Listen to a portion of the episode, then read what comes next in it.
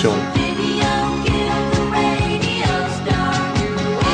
Merhabalar Onur. Mahir merhaba. Nasılsın? Bazen 24 saatin yetmediğini hisseder misin? Hissederim tabii. Haftanın da yetmediği oluyor. Haftada yetmiyor, ayda yetmiyor. Ay, aya çok aklım ermiyor o tip dönemlerde de. Yani çok yoğun olunca ayı sayamıyorum da haftanın yetmediğinin olduğunu biliyorum. Evet işte öyle bir dönemdeyim. Gerçekten. Öyle. Niye? Dünya Kupası'nı mı izliyorsun sürekli? Dünya Kupası'nı çok seçici bir şekilde izlemeye çalışıyorum bu Dünya Kupası'nı. Hangi takımı destekliyorsun Onur? Hemen hızlı hızlı gireyim konuya. Ya ben de sana Yani şey misin böyle e, ya ben Türkiye oynamadığı zaman hiç bir takımı destekleyemiyorum yani ben öyle evet maalesef bak çok standart bir cevap olacak ama gerçek bu. Öyle. Ya aslında şöyle bir şey soruyorum. Yani mesela böyle bazı şimdi dünkü e, maçlardan biri e, Hollanda İspanya maçıydı. Tamam Bur- onu izledim. burada Evet. iki çeşit İkinci insan- yarısını izledim hatta. İlk yarısını izledim. ikinci burada yarısını. iki iki çeşit taraftar profili görüyoruz. Eğer ki o ülkelerden gelmiyorlarsa. Evet. Biri nedir? İşte İspanya zaten son e, iki Avrupa Kupası'nı bir Dünya Kupası'nı kazanmış yanlış hatırlamıyorsam. İşte bu adamlar zaten Bir Dünya Kupası, bir Avrupa Kupası. Evet. tiki taka denen bir İki Avrupa, evet bir Dünya. Evet, evet, evet. tiki taka denen bir top oynama yöntemi var biliyorsun. De, sürekli kısa kısa pas. Evet. Ee, ya işte İspanya tabii ki kral takım falan. Bunlar kazanacak tabii falan diyen. Hani bir güçlüden taraf olanlar var. Bir de underdogcular dediğimiz hani İngilizce'de e, sürpriz ve de e, güçsüzden taraf olanlar var. Ya evet ama hani Hollanda'da Kamerun değil yani sonuçta adamlar. Ya tabii canım. İspanya Ama gibi dünya imparatorlar. Onlar da hani e, daha önceden iki tane plan vermişler. Bir tane Avrupa Kupası almışlar falan. Ama sorunun cevabını yine de vereyim. Bence güzel bir soru. E, ben hızlıdan yanayım Mahir. ha Ee, güzel. evet. Yani diyorsun Çünkü- ki hı. güçlü güçsüz fark etmez ama hızlı futbol oynasın. Tabii hızlı olsun. Yani benim e, tecrübemi artırsın. Ve hızın benim için anlamı başka ama hayır. Yani tamam hız benim hoşuma gidiyor. Hızlı futbol görmek hoşuma gidiyor. Ama hız kısa paslar ve strateji değil de daha bana e, hayvani bir şey geliyor hız. Onun için ona daha fazla çekiliyorum. Anlatabiliyor muyum? Yani stratejiler olduğu zaman kısa başlar efendim satranç gibi oynayalımdan daha çok ben biraz daha hayvan gibi oynayalım ama hızlı oynayalım, güzel oynayalım o taraftayım. Teniste de öyle mesela. Teniste de öyle sporcuları daha fazla severim. E, Futbolda da öyle. Hmm. Hollanda'da dün gerçekten ikinci yarıda o hız, hani o Robben'in o e, üçüncü Hay- golde sanıyorum o koşuşu var ya. Hayvan gibi bir gol attı gerçekten. Yani gerçekten işte. Ee, Anlıyorum evet. Evet güzelmiş bu ilginç bir bakış açısı. Yani ya ben e, ben sana neden böyle bakış açısı olduğunu biraz daha hani yo ben anladım ya. Yani kendimce bir şeyler çıkarttım bundan ama Ya bence ki- insanlarla robotlar arasındaki en büyük farktır hız yani. Çünkü insanlarla yani biraz daha geliştireceğim bunu. Hı hı. Hmm, İnsanla robotu en fazla ayıran şey hız. Neden? Robot ne kadar gelişirse gelişsin hiçbir zaman insan gibi anı yaşayamayacak. Yani her şeyi yapabilecek tabii. Ama her şey hani processing power sayesinde ne yapmak? Ee, analiz etmek ve hani bir sonraki aksiyonu planlamak üzerine olabilir ama anı yaşamak biraz hani e, organik mahluklara mahsus. En azından şu anki görüntü bu. Ee, Ama niye o anı yaşayabiliyorsun biliyor musun? O kadar hızlısın ki insan olarak. O kadar hız- hızlısın ki anı yaşayacak kadar hızlısın. Yani robot onun için hiçbir zaman o kadar hızlı olamıyor. yani burada şöyle bir açıklama yapalım bence. Futbol, hız ve senin söylediğinle e, referans olarak. Senin bahsettiğin hız sürekli olarak insanların sahada deli danalar gibi koşması değil de kararların hızlı verilmesi, hareketlerin Evet. hızlı yapılması, olmayacak Evet. şeylerin hızlı olması falan gibi. Benim anladığım bu değil mi? Evet Yani- tabii yani yalnızca bir reaksiyon zamanı ölçmesiyle alakalı değil hani reflekslerle değil Hı hı. ama daha çok hani bir e, bir felsefe bir oynayış e, olarak görüyorum ben. Hı hı. Yani e, bir e, hayat felsefesi gibi neredeyse. E, bu biliyorsun yani Dünya Kupası'nda da gördüğümüz bir şey bu. E, her ülkenin e, kendi yaşayışını da biraz e, şeye sahaya yansıtır ya. Evet. İşte Almanlar şöyleler oynarlar. İşte e, Brezilyalılar böyledir, Arjantinliler böyledir şeklinde.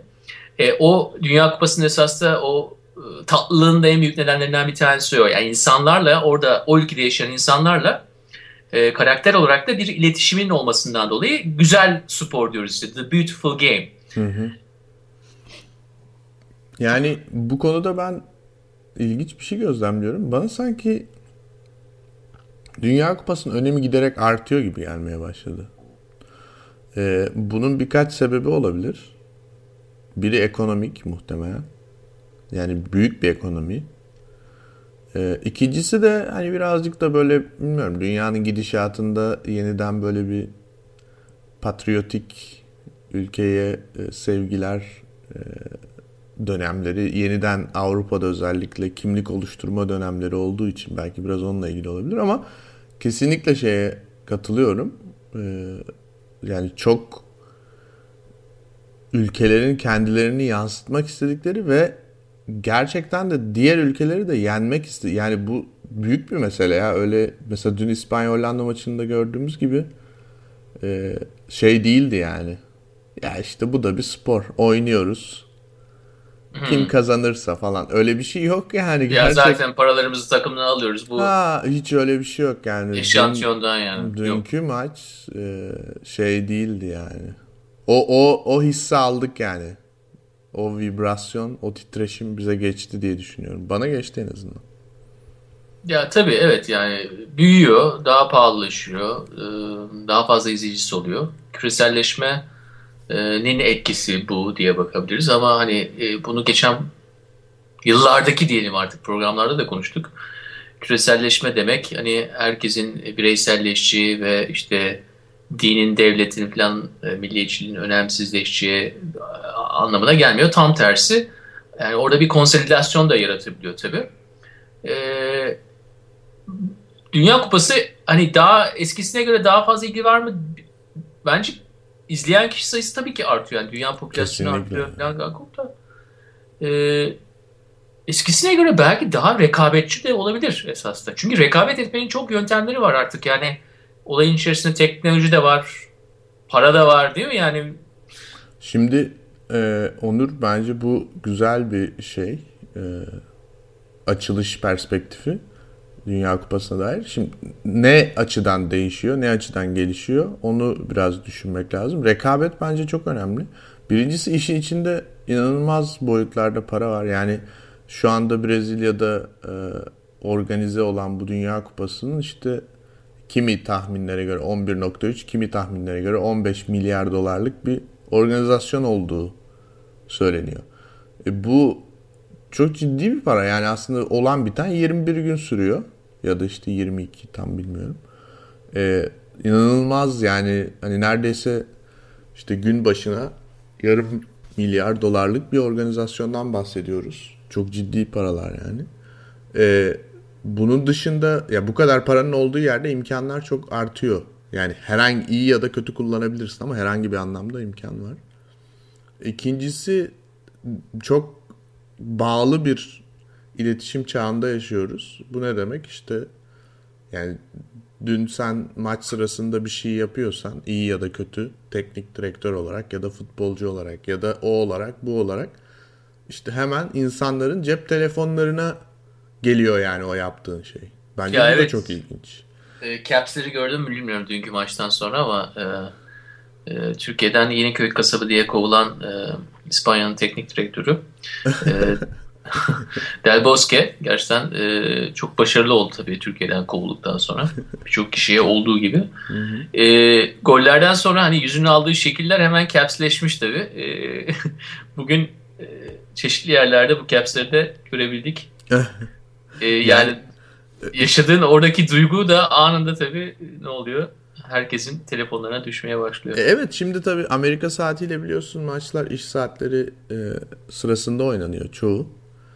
E, ama yani gerçekten yüzlerce kaynaktan direkt e, cep telefonuna. Yani mesela ne oluyor işte biri cep telefonuna eskiden hani e, yayın hakları falan filan bir sürü şey de vardı. Şimdi ilginç şeyler oluyor. İnsan öyle bir varlık ki çözüm üretiyor yani. Ne yapıyor abi insanlar? Cep telefonlarından direkt gol olduğunda mesela e, televizyonu çekiyorlar. Onu Vine'a post ediyorlar. E şimdi hmm. e o zaman ne oluyor? Golü görüyorsun yani. Bir saniye sonra gol, golü görüyorsun dünyanın her yerinden. Yani ve bunu mesela işte ne bileyim ben dün bakıyordum işte e, bir sürü app var. Bunu da konuşuruz. E, işte Kanada'daki e, TRT'nin CBS'in e, canlı bloğu var mesela. New York Times canlı bloğu var. BBC'nin var. Huffington Post'un var. Yani inanılmaz bir paralel bilgi akışı var. Yani bir şey kaçırmanın evet. imkanı yok yani öyle diyeyim sana. Bu arada Huffington Post'tan bahsederken e, baya bir hani istatistik konusunda e, Huffington Post'ta hani e, siz artık real time visualization mı diyorsunuz? Evet gerçek ee, zamanlı veri görselleştirmesi. verileri görselleştirmeye başlamışlar. Yani Huffington Post ya sonuçta hani 3-5 sene önceye kadar 3-5 e, tane hani şey yapan ya şimdi, bir blog yani. Onurcuğum e, ee, onların da bu işe girmesi de ilginç olmuş gerçekten. Şimdi şöyle bir şey var. Biliyorsun teknoloji ekonomiyle ilgili bir market olduğu için kitle ve e, izleyici sayısının büyük olduğu yerlerde bir atılım yapma hazırlığında oluyor her zaman. Yani ne oluyor? İşte yayın teknolojileri, HD yayınlar ne zaman ortaya çıkıyor? Ya olimpiyatlarda ortaya çıkıyor ya Dünya Kupası'nda ya Avrupa Kupası'nda. Şimdi bilgisayar teknolojileri de artık buna eskiden böyle değildi çok ama şu anda böyle yani. Nedir? Seçim olduğunda yeni bir şey çıkar. Yeni bir görselleştirme yöntemi ya da işte televizyon stüdyolarının içinde yeni bir haritalama yöntemi falan. Şimdi bu dünya... Yani bir lansman olduğu zaman bunun en fazla Aynen, evet. dağıtılacağı e, şeyi seçiyorsunuz. E tabii ki şimdi biraz önce de dedik işte 11-15 milyar dolar arası bir ekonomi e, izleyen sayısı yani tahminen herhalde 2-3 milyar kişi arası. E, şimdi böyle bir hedef kitlesinin olduğu yerde sen ilginç bir şey yaparsan yani onun yani yüzde onunun trafiği bile sana gelse çok büyük bir şey. Şimdi o yüzden bu sene gördüğümüz şey ben bunu zaten hemen ilk maçtan sonra yazdım. Hatta maç sırasında. Gerçek zamanlı veri görselleştirmesi yapıyorlar. Huffington Post yapıyor bunu. Şu anda benim gördüğüm kadarıyla en iyisi o. Diğerleri... Amerika Online'la tabii hani ortak olduğunu biliyordu herhalde dinleyicilerimiz. Amerika evet. Online'ın teknolojisini alarak bunu yapıyor. Evet. Yani e, Diğerleri de tabii ki yapıyorlar. İşte ne yapıyorlar? New York Times, Guardian, BBC vesaire gibi. Onlar da e, zaten bu canlı blok biliyorsun Arap devrimi döneminde çıkan bir kavram. Evet çok güzel. Bravo. E, o da başka bir dünya eventi yani. Orada da kitle çok fazla olduğu için takip eden. O zaman da öyle bir şey çıkmıştı. Bu canlı blok devam ediyor o zamandan beri. Yani artık blok eskisi gibi günlük kavramından çıktı. Canlı yani canlı günlük tutuyoruz. Evet. Ya evet biraz tabii hani olayın kula- yani. Senin sevdiğin Anlık. gibi hızlı. Benim sevdiğim şey hızlı tabii. ee, benim sevdiğim başka bir şey daha var. Ee, Mahir ben at yarışlarını çok severim. İşte ee, tamam mı? İşte tam tam benim kafamda. Hatta Taksim'de e, saat 6.30-7'den sonra e, tam meydana bakan bir eczanenin önünde bir e, at yarışı bir abimiz vardır. Yani 40-45 senedir bunu yapar e, bültenleri satmaya başlar. E, ben de bültenlerin alıcısıyım. Yani çok fazla at yarışı oynama falan değil de hani biraz e, içerik meraklısı olduğum için o bültenleri alırım Mahir. Hı hı. E, bültenlerin arka sayfalarına bakarım. E, arka sayfalarında bazen bilgiler öyle olur ki yani o atın bir gün önce harada nasıl hareket ettiğini yani duygusallığına kadar iner yani. Yalnızca orta sayfalarda istatistik vardır. Arka sayfada daha subjektif bilgiye doğru geçer. Şimdi bu yalnızca hani e, kumar oynamak anlamında değil. Yani sen bir şeyi tüketiyorsan o, o kullanıcı tecrübesi bazı tasarımların gittikçe daha da e, böyle detaylara e, girdiğini görmeye başladık. Yani ya tamam futbol 90 dakikadır, top yuvarlaktır, 90 dakikada oynanır biter. Ama halbuki biz yalnızca 90 dakikayı tüketmiyoruz.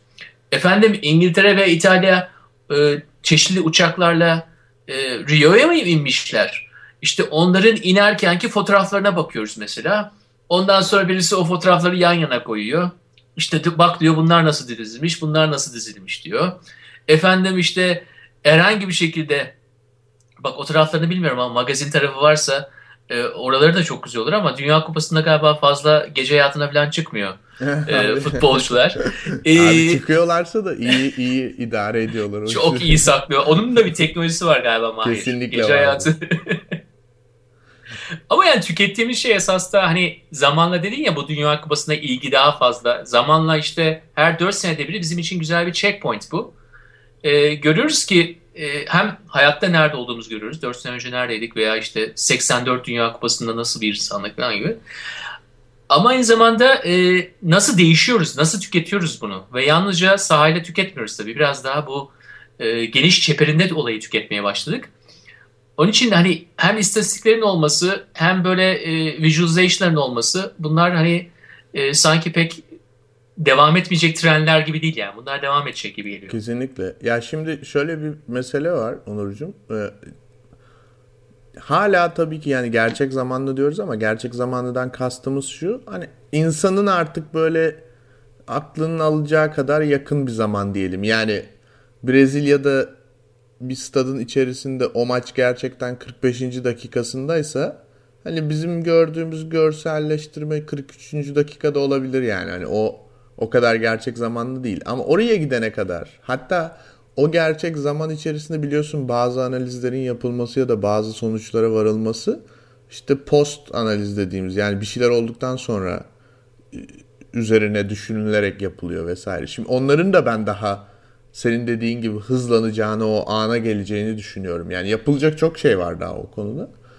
Ee, ama e, işin ilginç tarafı ben mesela tabii profesyonel olarak da bu alanla ilgilendiğim için şeyi araştırdım. Ya bu nasıl oluyor? Yani şimdi orada adam pası atıyor Brezilya'da değil mi? Ben yani bir web sitesine bakıyorum. Oradaki e, şey gördüğüm sahanın içindeki oyuncunun pas atma değerleri ve grafiği değişiyor birden.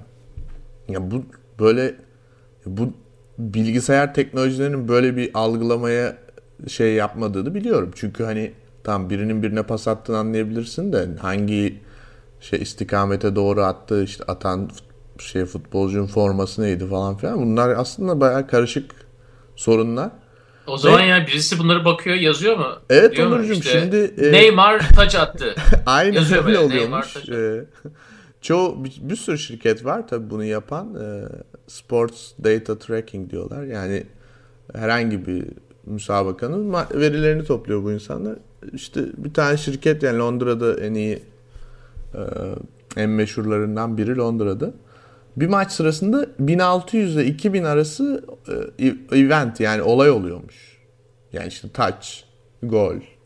Hatta işte birinin boş koşu yapması falan filan bir sürü şey oluyor yani maç sırasında. Bunları abi oturup yani millet maçı izliyor, yazıyor yani aslında. Hiç yani böyle hiç ar- yani. arkasında kompleks bir teknoloji yokmuş yani. İşsizliği çözümü için güzel bir yöntem. Evet 350 kişi çalıştırıyorlarmış. Hepsi part time tahmin edebileceğin gibi. Ben zaten e, yani insanlara gelir birazcık daha eşit dağılsa herkesin part time çalışması gerektiğini düşünüyorum ben. Yani benim ekonomik... E, o ayrı bir konu evet. benim ekonomik şeyim bu yani. Çözümüm. Ona başka bir program ayırmamız gerekebilir. Ödünç Ama bu sezonluk işçi olayı da güzelmiş gerçekten işte. Kim taç atıyor, kim şunu yaptı diye bunları tek tek. Abi bir de... Acaba ne Hindistan'da, Çin'de outsource falan etmiyorlar. Umarım Brezilya'da falan çözüyordur olayları. Yani şu anda Dünya Kupası'nın verileri hangi şirketten geliyor emin değilim. Yalan söylemiş olmayayım ama ya bir sürü şirket var. İngiltere'dekiler de bu işi takip ettiklerine eminim. Ben mesela şu açıdan da ilginç bir sektör olduğunu düşündüm. Sonuçta insanlar hoşlandıkları bir şeyi de izliyor olabilirler. Yani değil mi? Abi mesela dersin ki sen Fenerbahçe'sin. Fener'in maçları bende abi dersin mesela. Anlatabiliyor muyum? yani hem hem iş hem maçı takip etmiş olmak falan filan. Aa, tabii ya zaten biliyorsun bu hani e, bazı maçlar internetten e, yayınlanıyor ya hani yani şifreli yayınlanıyor ama onları sen e, internetten de izleyebiliyorsun. Burada birisi o maçlara spikerlik yapıyor. Senin için spikerlik yapıyor. Yani Hı-hı. oradaki sesi kısıyor, şeylik yapıyor. Arada bir işte şu olmuştu şu dakikada falan diye böyle bir amatör bir şekilde hem sana bir servis veriyor, hizmet veriyor. Hem de bundan e, tatmin de elde ediyor. Yani ne oluyor? İşte orada 50, 100, 200 kişilik bir e, izleyici grubu oluyor. E, bu e, Bence ileride teknoloji geliştiği zaman sizin alanda da öyle olacak mı? Hayır. Yani bu evet. veri görselleştirmesi alan alanı da biraz daha demokratikleşecek ileride. Evet. Ve e, hani bence e, o alan bile bayağı hani e, insanların girmesi için yani iyi software'lerle birçok insan ne yapabilir? Kendileri de bunu yapabilir değil mi? Kesinlikle zaten şu anda e, en büyük olan şeylerden biri de yani tamam büyük şirketler e, işte hemen Dünya Kupası'nı sonuçlarını görselleştireyim ilginç şeyler yapayım falan diye çıkıyorlar olabilirler ama ve de işte sonuçta bu bir kaynak gerektiriyor ama e, bir yandan da aslında e, onun ondan da bahsedelim konusu gelmişken. Mesela Kimona Labs diye bir şirket var. Bunlar da o verileri paylaşıyorlar. Yani aslında dünyanın herhangi bir yerindeki biri bir bilgisayar programlaması bilen bir kişi. Bu Kimona Labs'in API'yi var bir tane. Oraya girip işte kaç tane mesela ilginç şeyler aratabiliyorsun. İşte normal sezonda kaç gol atıyormuş futbolcular. Dan tut da işte kim en çok kırmızı kart alıyormuş bu adamlar şu ana kadar kaç gol attılar? İşte takımların averaj şeyleri nedir? Asistleri vesaire. Yani böyle çok uzun ve detaylı istatistiklere açık olarak ulaşabiliyorsun. Yani bunları alıp çok basit araçlar kullanarak herkes kendi bir şey yapabilir ki bence zaten işin e, ilginç tarafı o. Çünkü e, büyük devler yani sana hep kendi perspektifinden gösteriyor. Yani bu evet, biraz evet, evet. şunun gibi çok... görüyorum ben. E şimdi sen hangi gazeteyi okuyorsun? Yani Türkiye'de bu iyice polarize de. Yani burada da yani ne bileyim işte Fox TV açıksa yani televizyonunda bambaşka bir hayat izliyorsun yani. hani böyle sürekli bir Amerikan askerinin işte değiş tokuşuyla ilgili gün boyu haber yani başka bir şey olmuyormuş zannedersin. Tabii ya bu güzel bir nokta ya işte günümüzde hangi ülkede olursa olsun e, biliyorsun ya olayı sağ sol işte yok dinci dinsiz falan neyse e, bu tür e, Amerika'da da işte orduyu destekleyen yoksa e, liberaller gibi her türlü çatallanma mevcut ama bu çatallanma dışında yaşamak istediğimiz herhalde bariz yani. Evet. yani en azından ben ve sen için bahsediyorum. Evet. Herhalde bizi dinleyen 3-5 insan da herhalde o çatallanmaların dışında yaşamak istiyorlar. Bunu yapmanın da yolları da e, yalnızca hani yorumlarımızın farklı olması değil de değişik data kullanmamız da olabilir. Tabii. Yani hani hangi kaynaktan hangi datayı çekeceğimiz de zaten o ayrıştırmayı da yapıyoruz. Ee, onun için hani yalnızca bu çatallanma içerisindeki kaynaklara maruz kalırsan senin de ondan yapacağın çıkarsamalar da ona göre olacaktır. Halbuki sen her zaman datayı da üçüncü yoldan alacaksın ki çıkarsamalarını da üçüncü yoldan yapabil. E, çünkü bence çok önemli nokta bu Mahir. Çünkü zaman zaman e, aynı tür datayla beslenen insanlar ki ona böyle bir twist verilmişse, zaman zaman yalanlaştırılmışsa ne yapıyor? Senin ondan yapabileceğin çıkarsamalar da o o veriye göre oluyor. Yani yalanın başka bir yalanını Aynen öyle. oluyorsun. Yani Halbuki bu... tamamen senin o sistemden kendini çıkartıp iyi software'lerle, iyi şirketlerle neyse ama o üçüncü yolda her zaman o üçüncü yolu bulup olduğun e, duruma göre senin kendi daha orijinal çıkarsamaları yapman mümkün. Ya bir de Onur şimdi insan öyle bir enteresan varlık ki şimdi diyelim sokakta bir olay oluyor. Biri birini dövdü. Ee, sen bunu gördün. Bunu yani durumu bir şekilde duygusal olarak hazmediyorsun yani. iyi ya da kötü. Fakat şimdi bunu televizyonda gördün diyelim aynı olayı. Bu sefer etkisi daha da artmış oluyor. Diyelim ki aslında dövmedi yani. Sen öyle senin bulunduğun açıdan yanlış göründü. Televizyon dövdü diye gösterdiği anda yani bunu acayip bir şekilde onaylanmış hissediyorsun. Bu veri meselesinde de aynı. Hatta bence bir ileri safhasında. Yani dedin ya yalanın yalanına bakmış oluyorsun. Ya öyle bir şey oluyor ki yani hani 40 defa söylesen her şeyi artık yalan olmaktan ya yani 40 yalanı bir yalanı 40 kere söylesen doğru olur diye bir laf vardı ya. ya veri böyle yalanı sen e, görselleştir, aynen. görselleştir, görselleştir yani böyle aynen, 35 kere. Herkes inanır yani en sonunda. Çünkü e, ilginç bir böyle spectacle şeyi de var yani hani e, Tabii yani tekrarlandığı için zaten tekrarlanma e, bir işin kanıtlanmasının bir yöntemi. Yani ne kadar tekrarlarsa o kadar kanıtlanmak için bir şey oluyor. Kanıt da kanı oluşturuyor. Şimdi e, futbola geri dönersek e, mesela topun çizgiyi geçip geçmediği, gol çizgisini geçip geçmediği. Yani bu konuda herhalde bizim de hayatlarımız boyunca e, çeşitli kereler bununla karşılaştık. Yani lig maçlarında, Avrupa maçlarında, Dünya Kupası maçlarını. Ee, kameranın hangi açıdan tekrarlandığı veya ne bileyim o, o anki teknolojiye göre eğer bir tek kamera koyabiliyorlarsa bir yere değil mi? Sen hep o açıdan tekrar tekrar izleyeceksin. Kanını ona göre oluşturacaksın. Yani eğer 5 tane varsa belki hani biraz daha farklı olacak. Şu anda yeni bir teknoloji var Dünya Kupası'nda. Goal Control şirketi, Alman şirketi e, bu ihaleyi almışlar. E, Adidas'la birlikteler. Adidas'la birlikte evet 5 tane çok hızlı kamerayla e, gol çizgisini geçip geçmediğine dair bir hesaplama yapıyorlar. Hatta şirketin CEO'suna sormuşlar. Hacklenmeyeceğini nasıl biliyorsunuz bunu demişler. O da çok basit bir cevap vermiş Mahir. e, internete bağlı değil ki. Eklenmesi imkansız. Ve sonucunda da e, hakime de şöyle bir şey geliyor. Yani adamın elinde bir saat var. Hakimin elinde saat. Üzerinde gol yazıyor eğer gol. yani, Acaba nasıl bir grafikle yazıyor ben onu merak ediyorum. Yani sevinerek mi bir gol diyor yani. Şey gibi yazıyor böyle 80'lerdeki Casio e, şeyleri gibi. Casio saatleri gibi e, parçalı falan ama sonunda bir ünlem koyuyor. Veya şeymiş Mahir. O, oğulları uzatıyormuş. Yani Latin Amerika'da e, maçları söylerken spikerleri evet. gol diyorlar ya. Şimdi e, gerçekten ilginç. Çünkü bir de ikinci şeyde biliyorsun e, spray var bir de. Yani free kick spray deniyor. Ben çok seviyorum o teknoloji. Yani bak bu biraz önce anlattım bilmiyorum ama bu spray teknolojisi yani ironi mironi yok. Bence çok güzel bir teknoloji. Bir dakikada kayboluyor. Ee, neredeyse hani hiçbir şey yan, eksik yanını göremiyorum. Ee, Şimdi Onurcuğum bu da mesela bana sorarsan bir veri görselleştirmesi zaten. Aa Çünkü... anlat bakalım neden? E çünkü yani şimdi 9-15'i belirliyor ya orada. Yani barajın nerede kurulacağını. Şimdi eskiden e, görsel bir şey olmadığı zaman e, sinyal bunun nerede olduğu konusunda herkesin kişisel bir fikri oluyor. Yani hayat öyle değil midir zaten? Hepimizin kendi fikirleri var. Yani aynı şey, benzer şeylere inansak dahi tam olarak aynı şeyi düşünmeyiz hiçbir zaman. E şimdi insanlar görüntüler üzerinden birbirleriyle iletişim sağlıyorlar. O görüntü olmadığında, yerde çizgi olmadığında yani herkesin birazcık hani 5 adım, 2 adım ileri gidiyor, biri 2 adım geri gidiyor falan. Hayır zaten birisi bir adım ileri gidiyor. O bir adım ileri gittikten sonra o bir gerçeklik oluşturuyor. Aynen Onun öyle. arkasındaki bir adım daha ileri gidiyor ama onu biraz da aşmış oluyor. Yani işte hayatta olduğu gibi.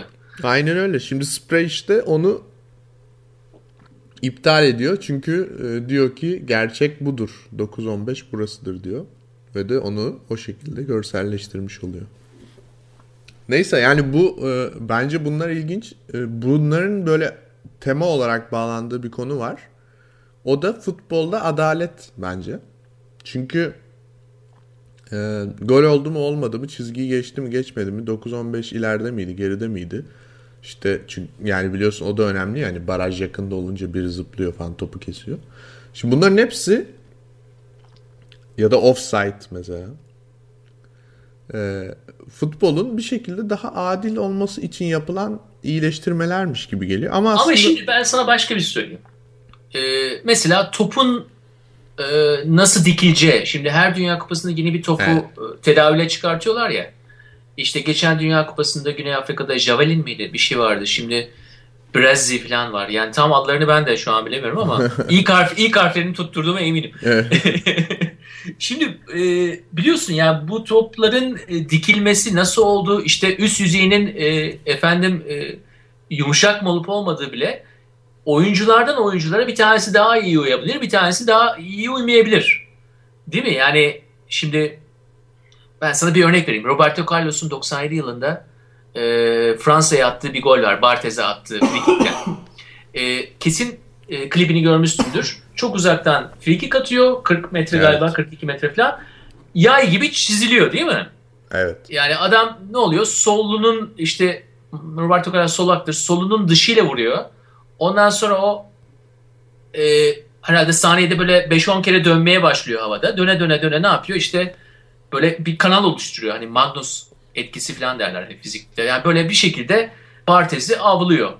E şimdi o topun nasıl olduğuyla alakalı değil mi? Başka bir topta aynısını yapamazsın. Eğer yüzey biraz daha pütürlüyse o tür bir ivme veremeyecek mesela. Hı hı. E, bunu nasıl adalete şey yaparsın, uydurursun? Şimdi e, hani biraz önceki örnekleri anladım ama bu tür bir teknolojide nasıl diye ne diyebiliriz? Ya zaten şimdi biraz önceki şeye e, referansla konuşursak yani işte verileri kim topluyor, haberleri kim veriyor, e, topu da kim yapıyor? Şimdi yani birazcık çok güzel. Evet, hayatta hayatta adalet dediğimiz şey zaten insan e, yapısı bir şey olduğu için yani bu böyle bir ulvi bir kavramdan ziyade bana sorarsan en azından evet. pratik adalet insan yapısı bir kavram ve e, kuralları tamamen evrimin sonucu olan bir şey herhalde. Yani evet kuralları kim koyuyorsa adaleti de o düzenliyor diye düşünüyorum. Aynen bu. ahlak gibi işte ahlak gibi. Aynen öyle. Bu noktada da yani tabii ki topu kim yapıyorsa gol teknolojisini kim üretiyorsa çünkü şimdi yani offside'den gol olmuyor mu? Oluyor. Ya da offside olmayan gol verilmiyor mu? Verilmediği çok oluyor. E şimdi orada insan hatası var. Ben öyle hataları daha çok severim. Çünkü o bir insanın evet. hatası. Evet. Ama sistem or- hatasından farklı. Evet, evet. Organize bir sistem hatası varsa diyelim ki şimdi bu gol teknolojisi bana sorarsan benim de böyle şeytan tüyüm vardır. içime doğar yani. Her şeyde gösteriyorlar. Her şeyde gösteriyorlar ya. E, yani gol olmuş yani. Top fileleri yaracak gidecek neredeyse artık hepimiz görmüşüz. Orada bile replay gösteriyorlar. hani top çizgiyi geçti diye. Ya bu muhtemelen bir anlaşmalarının gereği yani her golden sonra gösterilmesi. Hatta İngilizler de şey e, ben BBC'den izliyorum genellikle e, tekrarları. Şey diyorlar. Aa, gol olmuş ya hakikaten falan dalga geçiyorlar yani. Spikerle. Şey e, ya bana sorarsan şimdi o diyelim ki gerçekten çizgiyi geçti ya da geçmedi öyle bir pozisyon olacak. Ve şimdi bu teknoloji hata yapacak. Yani bence öyle bir şey olacak yani sana söyleyeyim er ya da geç. Yani hata olabilir, kalibrasyon hatası olabilir, o olabilir. Tabii olabilir. tabii. Kalibrasyon hatası güzel oldu. E, ve yani sonuçta ben sizce sen güzel bir noktaya parmak bastın. Bunlar Hı-hı. adalet arayışıyla yapıldığı halde e, daha fazla para harcanması veya daha fazla teknoloji kullanılması daha adil bir oyun olduğu anlamına gelmiyor. Evet. Hatta e, ortaya yeni yeni aktörlerin girmesi anlamına da geliyor. Yani olayı biraz o 90 dakika içerisindeki oradaki dinamiklerden daha da dış dinamiklere hani biraz önce bahsettiğim gibi biz bir şey izliyoruz, sahada bir şey izliyoruz ama aktörlerin sayısı gün geçtikçe daha da fazlalaşmaya başlıyor. Oradaki yani 22 futbolcu ve işte 3 tane hakem değil, olay 25 kişi değil. Esas da nedir? Bu şirketler, yani izleyiciler de artık olayın içerisinde. Yani milyonları e, biraz da e, içine katabildiği için Dünya Kupası daha da büyümeye başladı. E, ben bu adalet kısmını yanında biraz da futbolun kendi e, içeriği konusunda yani nasıl bir oyun olduğu konusunda konuşmak istiyorum.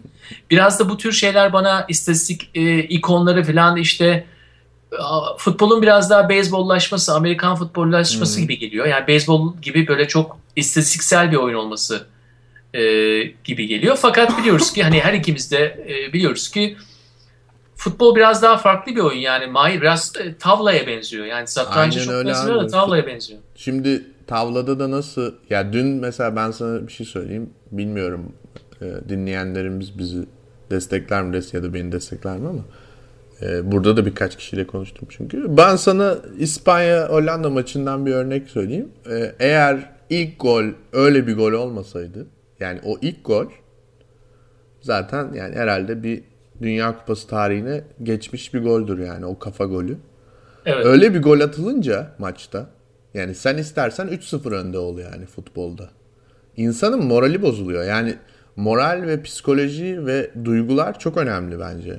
Yani şimdi e, tabii ki yani beyzbol maçında da home run yapılınca hani insanlar farklı şeyler hissediyorlar ama abi yani futbolda e, bir de saha büyük, oyuncu sayısı az topun ayakla kontrol ediliyor olmasından dolayı kısıtlar var ya da vücudun belli yerleriyle. Ve bu inanılmaz bir e, şey yaratıyor. Hem e, problem space yani problemlerin olduğu bir ortam hem de inanılmaz e, sayıda alternatif çıkış yolu. Yani seçenek çok fazla. Emin değilim. Tam olarak araştırmadım ama muhtemelen e, diğer sporlardan en önemli farklarından biri de bu. Yani basketbola göre de böyle, işte NFL, e, Amerikan futboluna göre de, beyzbola göre de böyle. Hani biraz bu hokeyi benziyor olabilir. E, şimdi bu böyle bir ortamda insanın yani o bütün duyguları analiz etmesi, tartması, istatistiklere dökmesi, bu istatistiklerden yola çıkarak sonuçlara varması falan biraz yani yani eğer öyle bir şey yapılırsa, bütün futbol maçlarını tahmin edebilecek kadar gelişirse bu iş zaten başka bir dünyada yaşıyoruzdur artık söyleyeyim yani. Ya evet, ben esas çok zor bu, olduğunu düşünüyorum. Zor ama yani bu e, denenmediği anlamına gelmiyor. Detaylı tahminler ha, konusunda da teknoloji kullanılıyor. Ee, bırak teknolojiyi tabi biliyorsun geçen Dünya Kupası'nda bir tane e, o, Ahtapot vardı. ee, biliyordu ama o. Bak Ahtapot çok iyi abi. Ahtapot çok iyi biliyordu evet. Ahtapot'a iyi enerji yüklenmişti bence dünyada milyonlarca insan tarafından. Abi Ahtapot Onları topluyordu. Bir, bir önceki hayatında e, bilge bir Budist rahip falan olabilir yani. Süper ya. Yani Ya ama, ama adamlar da genelde hani böyle e, hayvandan insanlaşıp ondan sonra nirvana falan oluşuyorlar ya. Bu Budist rahip şey ahtapotlaşmış.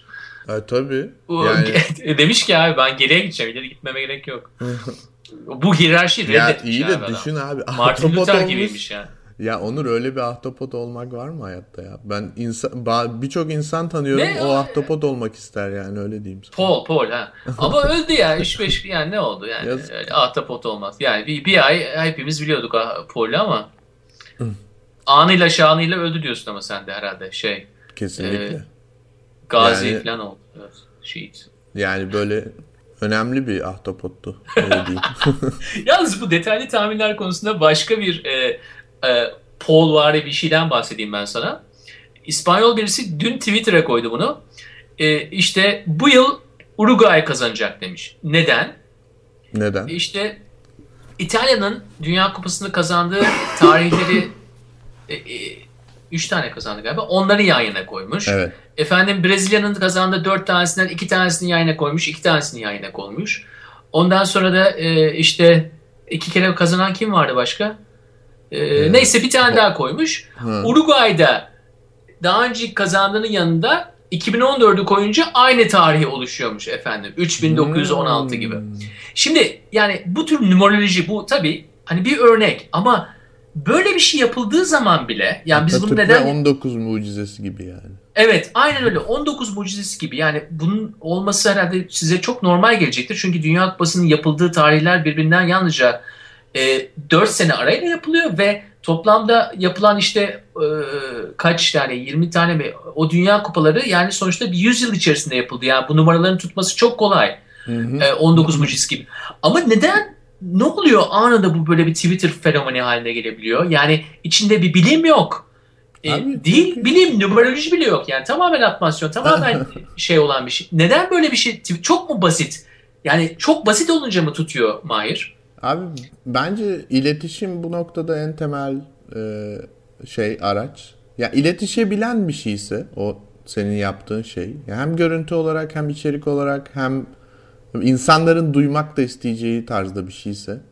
Hmm. Yani kendilerini abi duygularla yani hareket ediyoruz. Özellikle sosyal mecrada bu çok ben görüyorum yani bence herkes yani en analitik insan bile duygularıyla hareket ediyor. O an olan şeylere dair, etrafta gördüğümüz, duyduğumuz şeylere dair bizim perspektifimizi yansıtan bir şey varsa onu onu retweet ediyoruz abi. Yani kendi perspektifimizi yansıtmayan bir şeyi gidip de retweet etmiyoruz ve bunu hani her ne kadar böyle okumuş etmiş entelektüel insanlar olduklarını iddia eden kesimler dahi gönderdikleri paylaştıkları şeyin yanlış olduğunu gördükleri çok o durum oldu. Yani şimdi bu da bu da aslında insanın nasıl hareket ettiğine dair bir referans diye düşünüyorum ve o yüzden senin söylediğin şey de aynen e,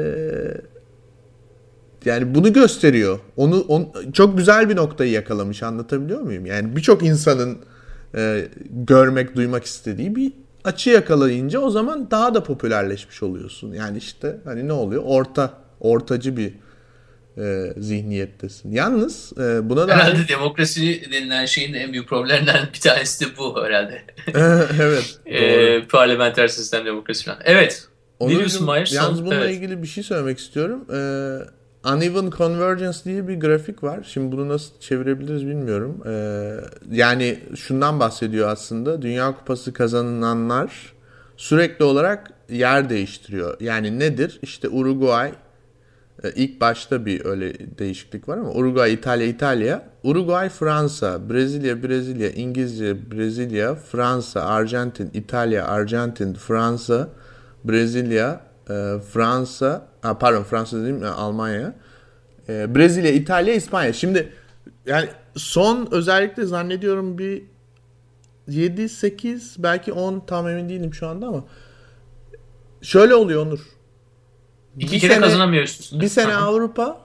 Bir sene Latin Amerika. Ya bir sefer Avrupa, bir sefer Latin Amerika. Bir sefer Avrupa, bir sefer. Şu anda sıra Latin Amerika'da bu şeye göre. Şimdi evet. mesela ben de bunu yani bu aslında e, Goldman Sachs'ın raporunda bir grafik. Şimdi ben bunu güzel yani tam istediğim kıvama getirsem bunu paylaşsam bence bu da hani bir teoriye dönüşür ve tutar. Çünkü niye yani insanlar böyle e, hem bir bakış açısı yakalamak istiyorlar bence. Farklı yani. E hem de o, o duygularını yansıtan bir şey olsun istiyorlar. Yani o yüzden e, söylediğin şey bana çok manidar geldi. Ama ben evet. seviyorum yani. Ya onu... evet ya geleceği tahmin edilebilir bir hale sokmak istiyorsun. Yani ben bile tahmin edebilirdim demek istiyorsun. Hı-hı. Çünkü bizim geleceği tahmin etmekle ilgili e, saplantımız var insan olarak. Ve bunun ulaşılabilirliğinin yükselmesi de sana bir umut veriyor. Diyor ki aa demek ki Evde ben de bile, buna ulaşabilirim. Evde bile ben de evde bile yapabilirim. Bugün musakka yedim, yarın köfte yedim. Bugün musakka yedim, yarın köfte. Ha demek ki yarın musakka yiyeceğim. Yani Aynen öyle. ya herkes kendi evinde veri analizi, gelecek tahmini falan bunları yapabilmeli abi. Artık 2014 senesindeyiz bence. Tabii tabii aynen öyle. Aynen. Ya hatta yani cep telefonları hatta şey e, tam böyle moda deyimiyle teknoloji satan şirket şeyiyle söyleyeyim sana. Hatta cebimizden yapabilmeliyiz. Yani hani böyle o kadar kolay olmalı ki her şeyi herkes evinde yapabilmeli. Ya bence ki herkesin bu işleri çok ciddiye almadığı sürece yani hani bundan dolayı fanatikleşmediği sürece böyle şeyleri yapması, pratik etmesi çok faydalı. Çünkü e, başkasının nasıl yaptığını da o zaman sorgularsın. Yani sen evinde ekmek yapıyorsan fırından aldığın ekmeği de birazcık daha artık kalifiye gözle değerlendirirsin diye düşünüyorum. E, o yüzden bunları çok pro destekliyorum. E, yalnız tabii şöyle bir şey var. Hani biz birazcık da böyle pozitif konuşmak istediğimiz için e, Dünya Kupası'nın stadın içinde ve stadın dışında olanlara dair e, e, çok anlamlı tweetler de oluyor. E, evet evet. Ee, bu, Anlam dediğin yani biraz hani politik, sosyal falan o, o yönlerden mi? Ne oluyor? Yani şöyle bir durum var bence. Ee, çok fazla bu konuya girmek ve uzatmak istemiyorum ama stadın dışında protestolar var. Protestoların niye olduğu ha, evet, ve tamam, tamam. E, niye olduğu ve e, neden olduğu çok bariz sonuçta. Hani işte ülke bir sürü para harcıyor ve o paranın aslında çok daha fakir insanların e, ihtiyaçlarına harcanması daha mantıklı olur gibi. Ama benim mesela e, herkesin en azından sadece kişisel olarak küçük bir anekdot paylaşayım. Bunu çok hamaset yapmayalım yani. E, ben eğer bu protest, protestoların azalacağını düşünüyorum. Çünkü e, dün bir video gördüm. Brezilyalılar çok duygusal insanlar yani. Gol olduğunda biri kendi mahallesindeki sesleri kaydetmiş Vimeo'da. Ee, öyle bir video var. İnanılmaz ya. bir ses. Yani görmelerle onur yani. Böyle çıt çıkmıyor. Yani normalde sonra gol olunca tabii, tabii, tabii. yıkılıyor yani. Hani biz Türkiye'den zaten bunları biliriz. Ya biliyoruz. Ben sana bir şey anlatayım. Ben evet. e, 2002 Dünya Kupası'nda İlhan Mansız'ın attığı Aa, gol. Evet. Yani ben Hollanda'da oturuyordum o zaman. En alt katta bir dairede oturuyordum. Ee, şimdi gol oldu. 88 miydi 89 muydu son dakikalara gol oldu doğru oldu. Evet. Yani o an yaptığım şey ilk yaptığım şey Mahir e, pencereyi açıp dışarı gol diye bağırmak. yani hani düşüncenin olmadığı işte o alan öyle bir alan. yaşıyorsun, yaşadığın anda paylaşıyorsun. Ya Paylaşma evet ihtiyacı. abi. Ama dinleyen falan yok. Yani yok öyle bir şey yok yani kimse Ya. sana bir şey yapmıyor ama o reaksiyonu.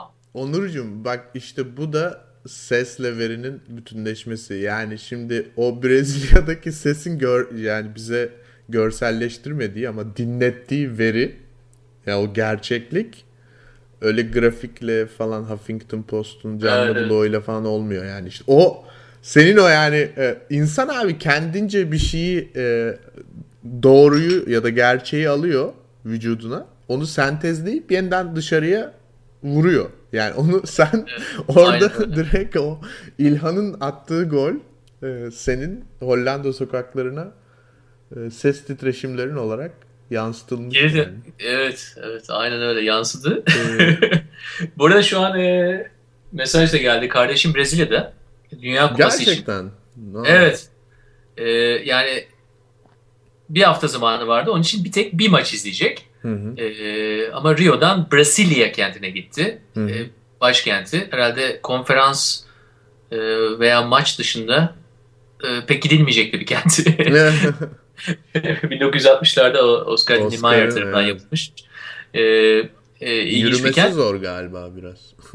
Arada Ee, evet yürümesi zor. Tamamen arabalar için yapılmış Evet. yani. Ama halbuki ne kadar ilginçtir Mahir ki çok da yürünme gereksinim var. Çünkü Evet. çok e, göçmen işçi alıyor orası ve tabii ki onların Herkesin arabası, arabası. yok. E, ama şu an attığı mesaj e, e, işte şu an uçağa biniyorlar. Ben de ona sormuştum şu ana kadar izlenimlerin nedir? Hani Brezilya'da. Arada çünkü fazla şey yapamadık. iletişimde bulamadık. Şey diyor. Abi burası aynı Türkiye gibi. Neyse bununla bitirmek istiyorum. Ee, iyi bir Dünya Kupası olsun. Ee, bizim de ne bileyim çorbada böyle bir tuzumuz olsun yani diyeyim. favori söyleyelim mi? Çok az maç izledik ama. Favori Ya sen söyle istersen. Benim dediğim gibi yani gönlümden Türkiye dışında bir şey geçmediği için senden bir favori alalım. nasıl Ee, yani? Bir dakika. Türkiye dışında. Ha bir dakika şimdi favori alma değil mi bu? Hangisini tutuyorsun değil. Kimin kazanacağını Yok düşünüyorsun. canım mantıklı olarak yani bir fikir var mı yani öyle Ha, sallayalım yani zaten biz bir şeye dayalı ya şimdi ben şu açıdan düşünüyorum e, bütün Amerika'daki istatistikçiler vesaire bunların hepsinin tahmini var Brezilya %65 falan veriyorlar yani. Ha, ha, tamam, ben tamam. Brez ben şunu söyleyeyim benim tahminim bence Brezilya kazanamayacak Uruguay mı kazanır bilmiyorum ama bence Brezilya değil. Ya peki ben de sana söyleyeyim. Ee, ama yine bir şekilde duygularımı da içine katmış olacağım bir yerinden. Kat Benim böyle e, ben 86'daki Maradona'nın altında ezilmiş bir Messi görmek istemiyorum. Messi'nin e, 12 yaşından beri ülkesinden ayrı o Arjantinliler tarafından e, neredeyse hani üvey evlat gibi atılmış, kucaklanmayan Messi'yi görmek istemiyorum. Ya ben Arjantin'i kazanmasını ve Messi'nin içinde olarak kazanmasını isterim. Çünkü yani 12 yaşında gitmiş İspanya, İspanya içinde oynayabilirmiş ama Arjantin için oynamış ama yani çocuğu neredeyse satılmış gibi bakıyorlar. Yani sen işte. Barcelona için oynuyorsun, bizim için ne yaptın gibi. Ya Maradona gibi kötü çocukların yanında bir tane Messi gibi e, iyi çocukların da kazanmasını isteriz tabii. E, böyle. tamam Haftaya görüşmek üzere Mahir. görüşmek Güzel üzere. Onurcuğum.